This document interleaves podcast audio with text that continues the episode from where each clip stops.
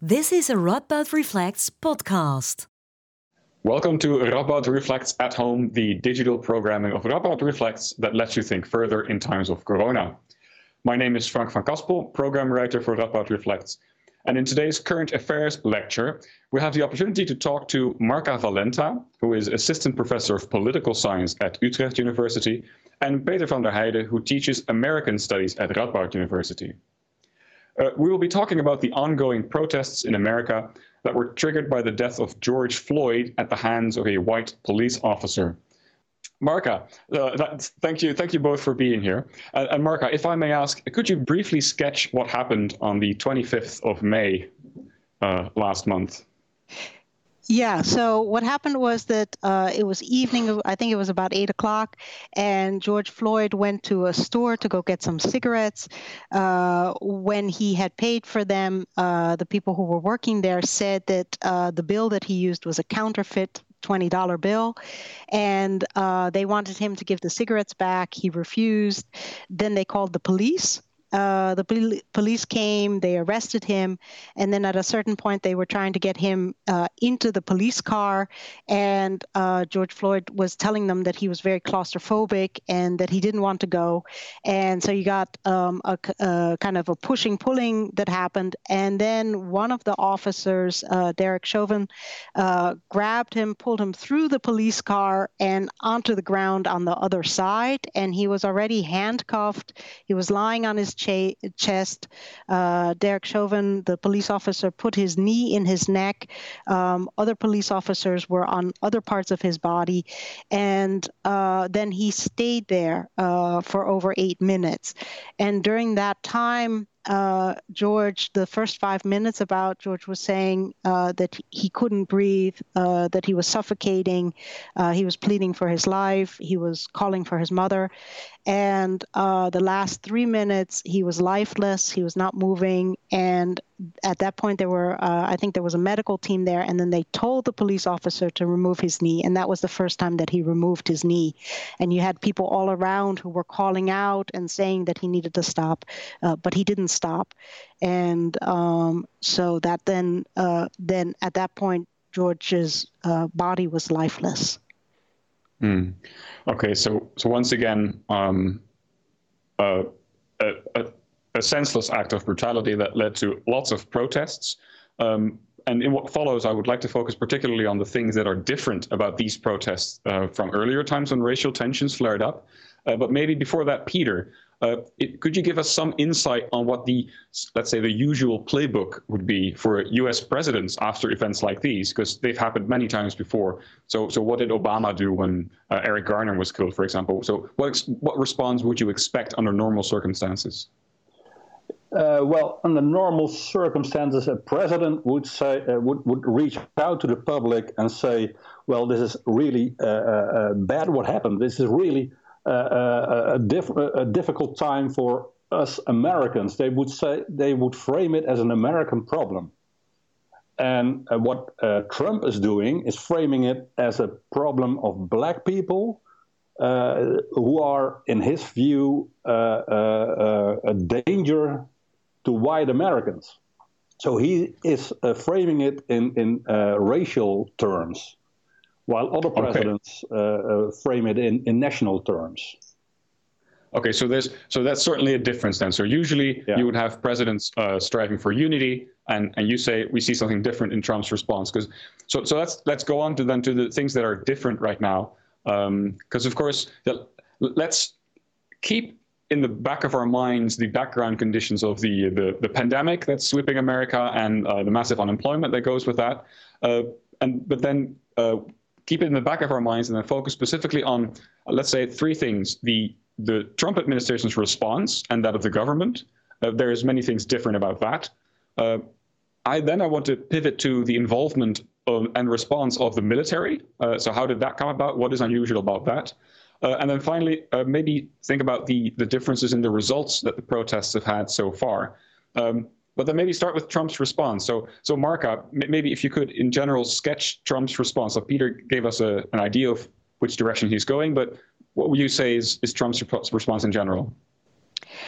Well, uh, how I would frame it is that uh, Trump is trying his usual set of uh, tactics and strategies and techniques, uh, but they are really a bad fit for what the situation is. So, uh, what Peter already raised the issue of uh, unifying, I mean, the way in which Trump was elected and the kind of politics he has is by actually intensifying po- polarization and antagonism between different groups um, between Republicans and Democrats, uh, between different racial groups, between different political uh, groups. And so he's what you see is he's been trying to apply that at different moments uh, by saying, for example, that you know, uh, blaming African Americans, blaming also uh, progressive uh, Americans, anti-fascists, uh, Democrats, all of whom he's saying are sort of these radical, anarchist, chaotic, criminal elements. Uh, so he was at certain moments giving them the blame. Um, at other moments, he's launching conspiracy theories on his uh, Twitter account, uh, which in the past sometimes have been very effective. Uh, at other moments, he was trying to be very uh, assertive and be a kind of law and order president and use those kinds of arguments that, for example, were very effective with Nixon uh, by threatening to send in the military if either states, governors, or city mayors didn't get control, even at a certain moment uh, creating a situation in which the National Guard then uh, started to attack peaceful demonstrators uh, to provide him with a photo opportunity. So he's trying a whole repertoire, and this itself is also very tech, uh, typical of him uh, in the sense that you've seen in the past that when he encounters a new situation, he tries out different kinds of things to see what works. And what's been really striking so far is essentially none of the things that he's tried work. Um, so that itself is quite new. Right. But I think, we, uh, would you say that many of the things that he tried, although he did different things, they they weren't too different in in in terms of uh, the intention that seemed to be behind it, or so so he, he so he hasn't tried unifying yet, for example. Yeah, I mean, he he doesn't. I think uh, on a few occasions he's made statements that were uh, unifying type statements, and I think there's been some criticism from uh, supporters of Trump and from Republicans and from right-wing commentators that, and from the Trump White House itself, that there hasn't been enough attention to those.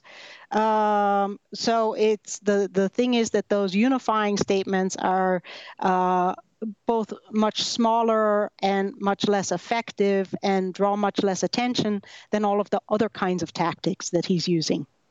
Right, because uh, Trump has talked about law and order. Uh, he said he was a law and order president. Uh, of course, he was a wartime president before. Um, yeah, so maybe Peter. Uh, I think uh, the Republican Party has long been the party of law and order. Is that correct? And and like, is Trump is is Trump's law and order that sort of law and order?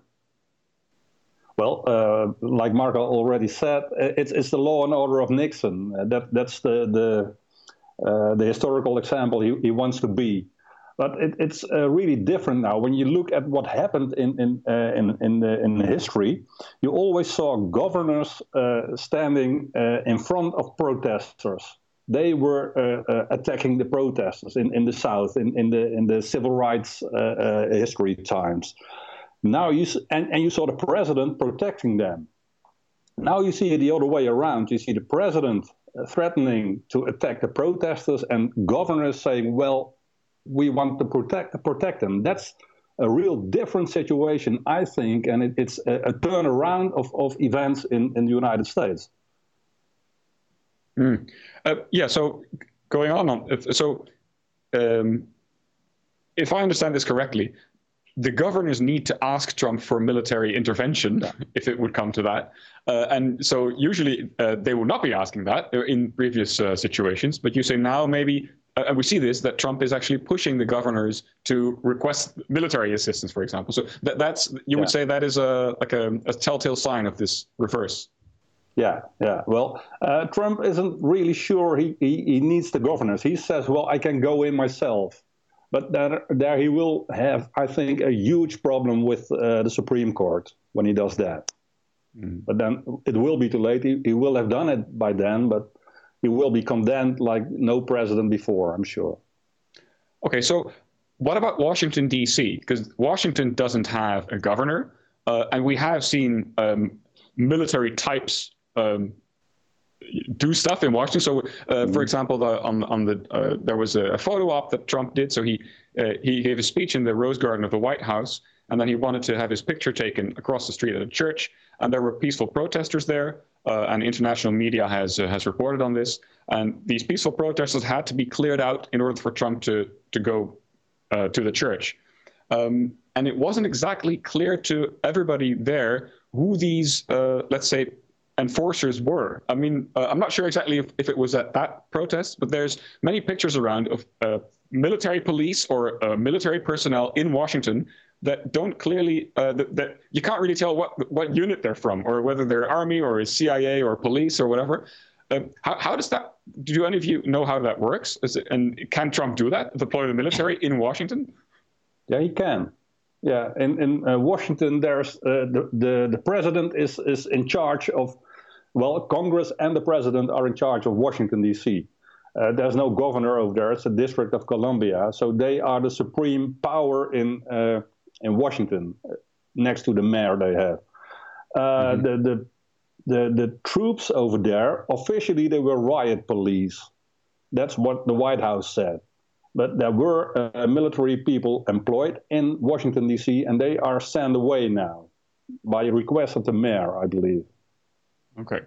Yeah, um, because you were having a real tussle. I mean, that that's one of the really interesting things was just this tussle that you were having between uh, Trump and uh, the mayor. And there yeah. was a key moment. Part of what set all of this off was that there was uh, it leaked out that at a certain moment the security services uh, within the White House had whisked Trump off to the White House bunker, so uh, a protective space, uh, and then Trump and I think his family spent about an hour in the bunker. And this was in response to four people breaching the security fence around the White House. And uh, but the thing is that when the news got out that Trump had gone to the bunker because people were protesting, uh, people uh, really, you know, use this to make fun of him. Like, what a scaredy cat, you know, what a baby. Look, we've got Americans protesting. He's afraid of Americans. Uh, you know, he he can't deal with these protests, and that really, really triggered Trump, right? Because anything that might possibly make him look cowardly or weak or anything is something just that he can't actually deal with. So people knew they were going to hit a nerve. And then that really worked. So then you saw that in the days after that leaked out that there was this real intensification by Trump uh, in terms of militarizing the situation, especially around and in front of the White House, uh, bringing in the military, bringing in these these unmarked and unidentified sort of groups uh, uh, who were supposed to be these policing forces, but were not telling people where they were from uh, or who they were. And then that all of that culminating with that moment before his photo op where he has the National Guard actually firing rubber bullets and tear gas at peaceful protesters. And the mayor of Washington was just getting furious about this and uh, couldn't actually, right, how Peter explained, couldn't do anything, but then started, for example, uh, hiring an artistic collective uh, to paint in huge, huge, huge letters that you can see, you know, from just about from outer space, uh, in front of the White House, uh, renaming the street Black Lives Matter uh, and painting those in huge yellow letters so you can't miss it and that leading up to the white house so using these informal techniques uh, at the moments that the mayor can't technically you know necessarily get the military out uh, but put pressure in other ways Mm-hmm. Yeah, so so this is certainly different from earlier times. There's this uh, tension between Washington and Washington, um, and could you maybe reflect on, on what is so bad about using military or riot police to, uh, to whisk away peaceful protesters? What does that do in terms of a, of a civil liber- liberty standpoint? Okay. Well, the thing is, I think what what uh, to to have the military, you know, firing on uh, peaceful protesters uh, so so you have a you know so you have a right you know to freedom of expression. And to be protesting peacefully in the street is something very very different than when you're for example breaching a perimeter fence uh, when you are trespassing on property uh, when you're doing you know 101 sort of illegal when you're throwing things uh, at the police uh, whether it's water bottles or molotov cocktails. So none of those types of things. And i think that's why the shock was so great because this wasn't not at all an instance where, in any fashion, something either illegal or destructive or dangerous was taking place. All that was taking place was a peaceful protest. And it was half an hour before the protest was to end. I think the curfew was going to start half an hour later. Uh, so they were fully within the time limit. They were behaving appropriately. And then um, there's a little disagreement about whether even any warning was given. The protesters themselves did not hear any warning. Uh, the, the commander in charge said that warnings were given, uh, but in the experience of the protesters, no warnings were given. And then the police uh, uh, uh, acted in a very um, aggressive fashion, uh, in a very, say, military fashion, uh, in clearing out the protesters. And the only reason for it uh, turned out to be to clear a pathway so that Donald Trump could walk in front of a church and hold up a Bible and have his picture taken uh, for his evangelical constituents in order to uh, make an argument that he is protecting you know, a Christian church that the evening before there had been a fire in the basement and he was saying you know these anarchist destructive forces are attacking christianity and here he is imposing law and order and protecting christianity right. Um, yeah. so so so this this image he is sending out uh, uh, several commentators including madeleine albright uh, former secretary of state uh, they have said that he seems to be taking a page out of an autocrat's playbook uh, and he's now retreated to his castle surrounded by huge fences uh, would you say that's a, an exaggeration, or, or do you think that there's sort of a shift going on here, and, and there's an autocrat sort of arising as we're looking at him? I mean, well, Peter, uh, other presidents yeah. in history must have been accused of uh, uh, being an autocrat too, right? Not in this way. Not in this way. Okay. Um, uh, well, the only example I can think of is John Adams, who was uh, uh, who was uh, said to be an autocrat also because he had a sedition act, and uh, uh, people were denied to have any commentary on the presidency. But this was the second he, president of the United States, right? The second one, yeah. So that's okay. a couple of years ago, I would say. Um, talking about that, that, that fence, he has his wall now. That's great, isn't it? Donald Trump has his, his wall, but he, it's not protecting America from uh, Mexicans, but it's protecting him from Americans. That's a bit of a thing. Mm. Um, but he is looking like uh, looking more and more like an autocrat. He, he uh, well, he is not looking like a Democrat, and that's his problem. Maybe he's not really an autocrat, but what flirting with with the military and things like that flirting with a civil war if he lo- loses uh, the elections, uh, things like that. Uh, that that is right from the autocrats' playbook. Yeah, it is. Yeah. Okay, so- I think yeah. that's I mean I think what what's important with Trump is that he he continually flirts with these uh, anti-democratic or undemocratic uh, elements um, and in his actions, in his words, in the people with whom he surrounds himself, uh, in the media uh, that he supports. Uh, so it's there's this continual looking for where the boundaries are, and then just going over the boundary, and in the process shifting it until the next time he does it. Um, what what's striking in this case, right? If we're thinking, for example, about the military, is that as soon as that photo op happened and it became clear through the combination of using the National Guard to fire on protesters and then create a photo op in which uh, he had by his side also a member of the military uh, that the military was being was in danger of being sucked into the political vortex And as soon as it seemed like the military might start becoming sort of identified with Trump uh, and with Trump's uh, whole positioning in this, then you saw, started seeing pushback from the military. And okay, so yeah, be- before we go into that though, yeah. maybe Peter, what has traditionally been the relation between the military and the government in the United States? Because we have not seen what we have seen now, which we'll be going to be discussing in just a little bit. But so why don't we usually have generals speak out against Trump? Uh, well, historically, uh, the the military is neutral, and it, it has to do with, uh, I think, with with uh, uh, uh, the fact that um, soldiers in America have an oath on the Constitution and not on the government, not on a leader, but on the Constitution. And that's neutral. That's a, a piece of paper. And in that Constitution are also uh, the amendments, so also the First Amendment.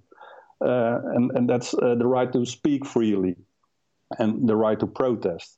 Um, for, uh, for the military, it's really important to uh, uh, defend the Constitution and not to defend the government.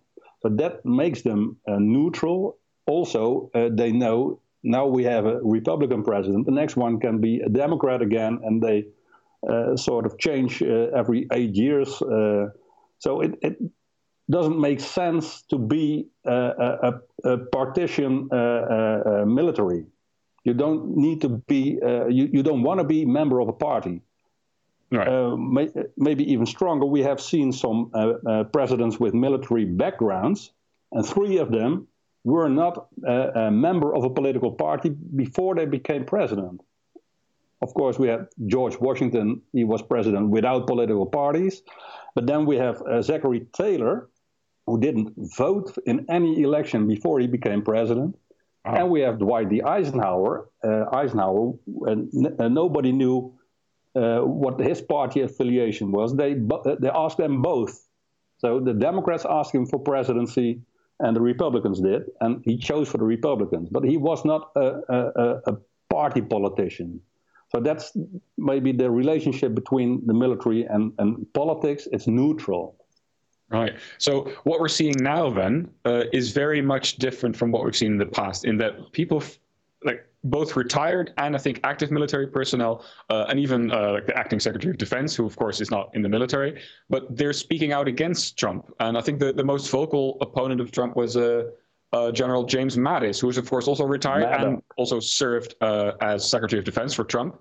Uh, but he came out very vocally against Trump, and many after him are now following, like even people like Colin Powell and, um, like I said, other former people from the Joint Chiefs of Staff. Uh, so th- this is remarkable then. Maybe Markha, could yeah, you? So you, this you is, this, yeah. Oh, okay. No, yeah, because I mean, so yeah, so four former Joint Chiefs Chiefs of Staff uh, have have expressed their criticism and have come out, and this is this is um, amazing. This is striking, and um, I mean it's and and it's complicated because uh, the yeah the military has this delicate balance, right? Because they uh, they get a huge amount of funding and uh, from from the U.S. government, and so that relationship with whatever the political party is that's in power needs to be um, a strong relationship, and then at the same time, say culturally, there's a, a, somewhat stronger sort of affiliation with the Republicans, uh, and uh, you know the the members of the military uh, are are you know will lean Republican, and then at the same time will have elements within themselves that even could be very strongly uh, Republican and even Trumpian. Um, and so, in relation to that, there's a couple other things that are very interesting also in terms of changes within the military, which is uh, that you had the the highest um, uh, member of the Air Force, the, the highest enlisted man from the um, Air Force, uh, who is an African American. And he wrote um, a public letter uh, in which he was just thinking through uh, what is the place of race uh, in the Air Force. And talking very honestly, uh, very constructively, and very critically. Uh, but just this room that there is to talk publicly uh, about the challenges of race within the military and the Air Force is itself amazing. You've also had that, for example, the Marines just a few days ago have banned any kind of public display uh, within a kind of marine context, say, of uh, Confederacy symbols right? So you've seen a lot in the news that you've had statues tumbling down. Uh, there's controversy. I think the Mississippi flag still has a part of the Confederacy in it, uh, mm-hmm. right? That is being discussed. So these symbols of the Confederacy are getting removed, and the military is itself also moving in that direction. Uh, so uh, it's transforming not only the relation between the president and the military, but it's also having a significant impact within the military uh, on issues that have been around for quite a while and now suddenly are moving. Uh, so that's also very, very interesting. Right. And so let's move on to the effects of these protests in, in general, because we've seen it has impact on the military, but we've seen um, many things happening now in general. Uh, for example, uh, certain bills are now being proposed uh, for reform of the police, uh, for reform of accountability of police. Um, but I think it was uh, John Oliver who uh, last Sunday said that this seems to be something that has been going on. I mean, has returned over and over again. So we, have been in this situation many times. Um, is it really different now what we're seeing? Are these proposals for police reform more progressive than they were before? Uh, is there a higher chance now that they will be accepted, for example? Do, do you see reasons for why this time it may be different? Or are you skeptical and think, well, we've seen this before, we've been here before, racism in America is just going to be, um, that's just going to not change? Um, so maybe, Mark, have you, have you heard of the, these uh, reform bills that the Democrats are now pushing? Actually, some of the Republicans yeah. as well. Yeah. Yeah, uh, yeah. I mean, what's very interesting is that the debate uh, among the Democrats has, you know, shifted to left, uh, where the conservative position, in a way, is reform the police, and the radical position is abolish the police or defund the police, right? So, uh, so what what the political sort of constraints are uh, and where the conversation is taking place, that already has shifted, and I think and that shift even happened within just a few days. So I think at the start of the protests, you saw people being very active in terms of making arguments for reforming the police, uh, and then uh, once you had that shift that took place, because first you had some looting that took place in connection with some of the protests. And then uh, a few days later, rather than it being the violence coming from looters, right, the violence was coming from the police. And as soon as you had started having what gets called police rioting in some places, uh, you also started seeing the conversation radicalize. And that really is having very serious effects. Uh, in Minneapolis now, you have a majority of the city council that is planning to uh, implement uh, policies that will, in fact, really do that, that will defund the police. So, nine out of right. the 12 council members in Minneapolis. Uh, you've had the uh, educational system in Minneapolis that has said that it is going to be cutting many, if not all, of its ties to the police uh, as it provides security to the school system. Uh, you have those kinds of policies that are now coming forward in many different co- cities uh, across the United you, States. But could you maybe explain to our listeners that haven't followed uh, the debate so closely, uh, what does it mean to defund the police? Just uh, fire every police officer and that's it? Have no more police? Right? No, it's an umbrella term, uh, and there's actually there's uh, it's difficult.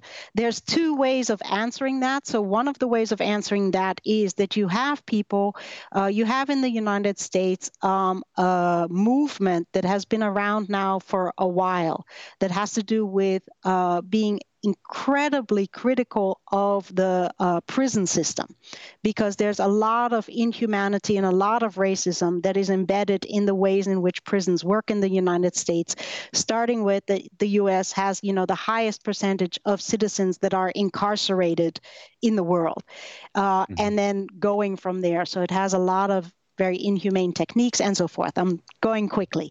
And so there's a there's been a movement that says, well, reforming the prisons is no is no longer possible. We really need to abolish this prison system that we have.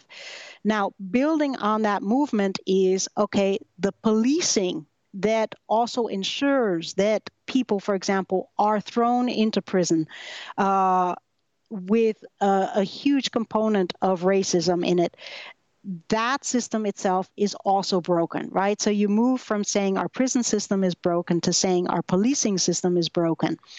Part of the reason for, if you think uh, for a Dutch audience about this, is that uh, the welfare state in the United States is much smaller.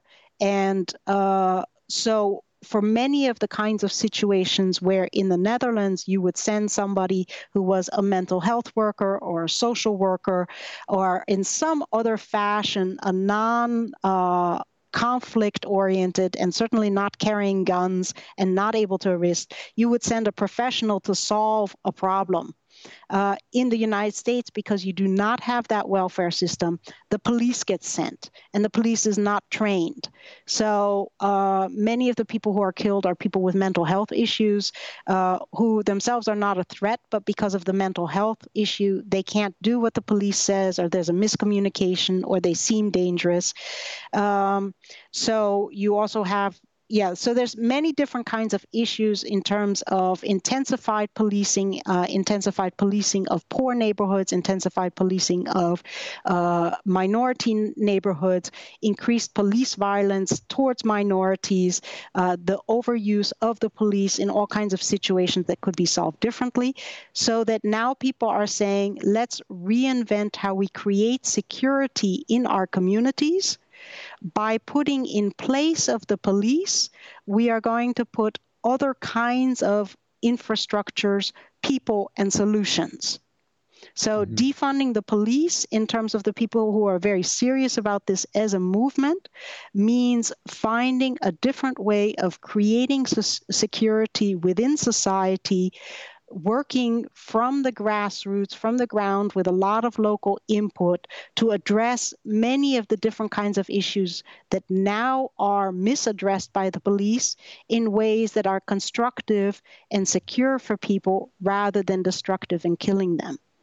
Um. So that sounds like a you know, from, from a European perspective. That sounds like a very reasonable plan.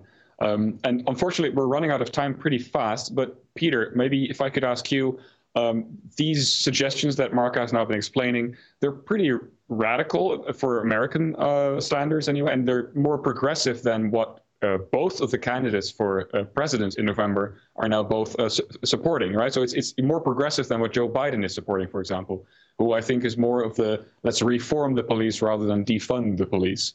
Uh, do you think still that uh, Joe Biden could benefit from these sort of um, of these more radical uh, suggestions that are now floating around that maybe stick to him more than they do to Trump?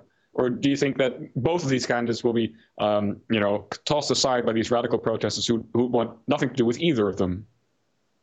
Well, I'm not really sure, but uh, well, we know they won't vote for uh, for Donald Trump. He's the law and order in the in the classical way uh, candidate, so they won't go for him. Uh, uh, and, and, Biden is the only one who, who has a chance of, of getting them uh, in, in, his camp.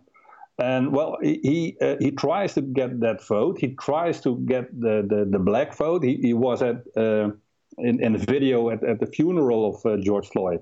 So he's trying uh, to reach out to that community, uh, more than, uh, of course, more than Trump does. and you see in in recent polls, you see the the the backing of Trump declining. he has had an approval rating of about 44% uh, during his complete term. And now you see it going down to 41, 40%. So in a couple of days. So there is something happening in, uh, in, in, America. That's clear. And it's not uh, uh, going in the right direction for Donald Trump. Okay. Um, let's end the program on a hopeful note. And that was it. yeah. uh, Peter and Markha, thank you very much for taking the time out of your days to, to answer uh, questions for our audience.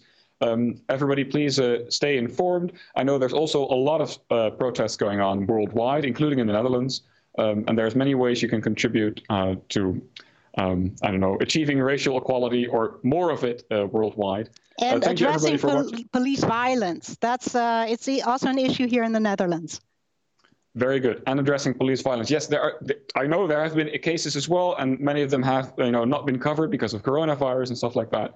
Um, but this is certainly an issue also in the Netherlands. Yes. Okay. So uh, thank you again, both of you, and uh, for the people at home, thank you very much for watching Radboud Reflects at home. Uh, we hope you enjoyed it and encourage you to share your thoughts in the comment section below the video.